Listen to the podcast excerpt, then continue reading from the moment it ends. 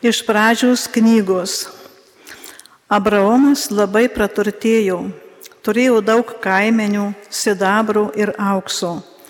Ir Lotas keliavęs kartu su Abraomu taip pat turėjo avių ir oškų galvijų ir palapinių. Tad kraštas jiems darėsi ankštas gyventi šalia vienas kito. Mat jų nuosavybė taip padidėjo, jog juodu negalėjo kartu įsikurti. Iškildavo ginčių tarp Abraomo ir Loto kaimenių ganovų. Taipogi tuo met krašte dar gyveno kenanitai ir perizitai. Taigi Abraomas ir tarė Lotui, neturi tarp mudviejų, tarp mano ir tavo ganovų būti ginčių, juk esame broliai.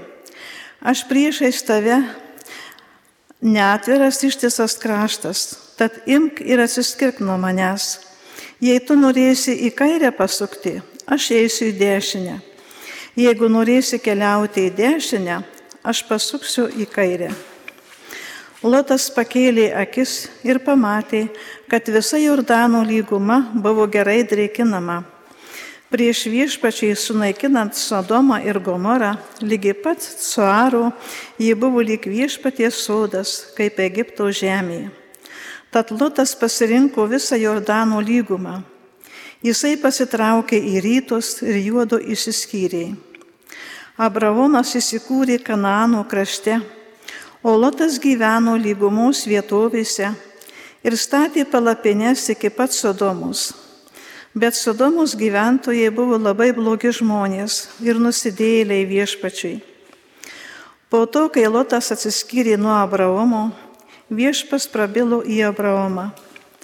Pakelk akis ir pažvelk nuo vietos, kur stovi, į šiaurę ir pietus, į rytus ir vakarus. Visą šį kraštą, kurį tu matai, aš atiduodu tau ir tavo palikonėms per amžius. Aš padarysiu, kad tavo palikonės būtų tokie gausingi, kaip žemės dulkės.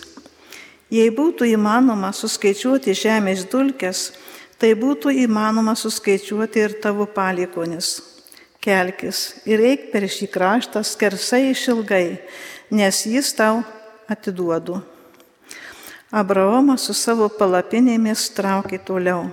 Sustojo prie Mamrės geraitės, prie Horebono ir ten pastatė viešpačiui aukorą. Tai Dievo žodis. Dievo.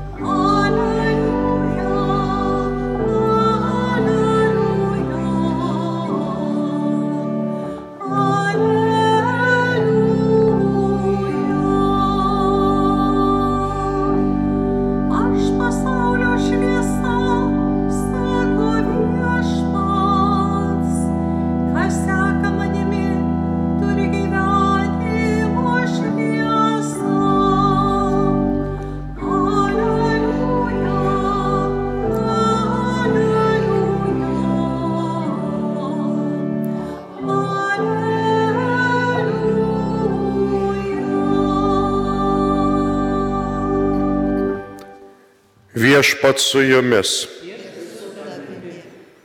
Iš Ventosios Evangelijos pagal Matą. Jėzus bylojo savo mokiniams, neduokite ką šventą šunims ir nebarstykite savo perlų keuliams, kad kartais jų nesutryptų ir apsigręžusios jūsų pačių nesudraskytų. Visa, ko norite, kad jums darytų žmonės ir jūs patys jiems darykite, nes tai ir yra įstatymas ir pranašai.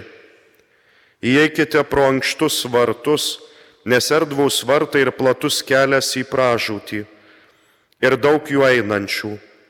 Kokie ankšti vartai ir koks siauras kelias į gyvenimą. Tik nedaugelis jį atranda. Tai viešpaties žodis. Šlovė tau, Kristau. Evangelijos žodžiai te panaikina mūsų klaidas. Apmastykime viešpaties Jėzaus žodžius apie vartus. Gražiai skamba, mielai skamba žodžiai apie vartus, kurie veda į gyvenimą. Kasgi nenorėtų poro tos vartus įeiti? Juk gyvenimas, amžinasis gyvenimas pas Dievą, tai yra mūsų gyvenimo galutinis tikslas, gyvenimo išsiskleidimas, gyvenimo pilnuma. Tik štai Jėzus viešpats sako, kad tie vartai siauri. Kodėl tie vartai siauri? Tikriausia todėl, kad mes kažkokiu būdu gyvenime pernelyg sustambėjame ir jau per tuos vartus sunku patekti. O nuo ko sustambėjame? Pradėkime mąstyti taip. Nijolė Miliauskaitė užrašė gražius žodžius. Uždraustas įeiti kambarys. Uždraustas įeiti kambarys. Kiekvieno mūsų asmenybės pačioje gelmėje, giliausiuose mūsų asmenybės kloduose, kaip tik ir glūdi tas uždraustas įeiti kambarys, mums uždraustas įeiti. O tame kambaryje, kaip kad Pandoros skrynioje, sukrautas visas Adomo ir Jėvos palikimas, gimtoji nuodėmė, žmogaus galėjimas pažinti ir pasirinkti blogį. Ir štai mums uždrausta įeiti į tą kambarį, kaip kažkada buvo uždrausta skinti rojaus oboliuką. Žmogus būtų laimingas, jeigu nepatektų tam kambarėlyje. Bet kažkodėl kažkoks kipšiukas mus nuolat gundo praverti to kambario duris, pažiūrėti, o kas ten yra. Ir štai vieną, antrą, dešimtą, tūkstantąjį kartą praveri tas duris ir jauti kaip kažkas papildomo, sunkaus prislegia. Žinoma, visi žmonės tengiasi būti gerais, be abejo. Kai kuriems pavyksta net labai gerais tapti. Bet štai tas uždraustas įeiti kambarys sugundo net ir geriausią žmogų. Patarlė sako, ir šventieji septynisik per dieną nusideda. Ir štai žiūrėk, žmogus atrodo išorėje kilnus, garbingas, aukštas pareigas užima. O staiga žiūrėk, kažkoks skandalėlis. Dėl ko? Dėl to, kad kištelėjo nosį į tą uždraustą įeiti kambarį. Ir niekam nesisakė. Ir mes kartais niekam nesisakom. Be abejo, norime būti, atrodyti gerais, kad mus taip laikytų. Kyla pagunda netgi ir fariziejaus klaidą pakartoti, bandyti pačiam viešpačiui Dievui įrodyti, kad mes į tą kambarį nevaikštom. Viešpaties neapgausi. Tai žmogaus drama. Žmogus nori gero. Žmogus yra sukurtas geras Dievo, kuriejų, pagal jo paties panašumą. Bet štai tas uždraustas įeiti kambarys kartais ima ir sugundo ir atrodo nenori ten lyg ir eiti, kojos tarsi pačios nuveda. Ir paskui stambėjame, stambėjame ir pro tuos vartus siauruosius įeiti darosi sunku. To reikia vengti ir to vengiame. Bet tai dar ne viskas.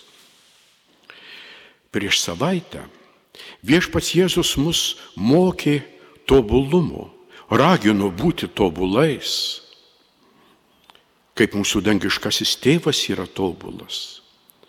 Praeito antradienio Evangelijoje viešpats Jėzus mokino to tobulumo siekti mylint priešus. Meilė yra žmogaus asmenybės pagrindas. Nes Dievas yra meilė.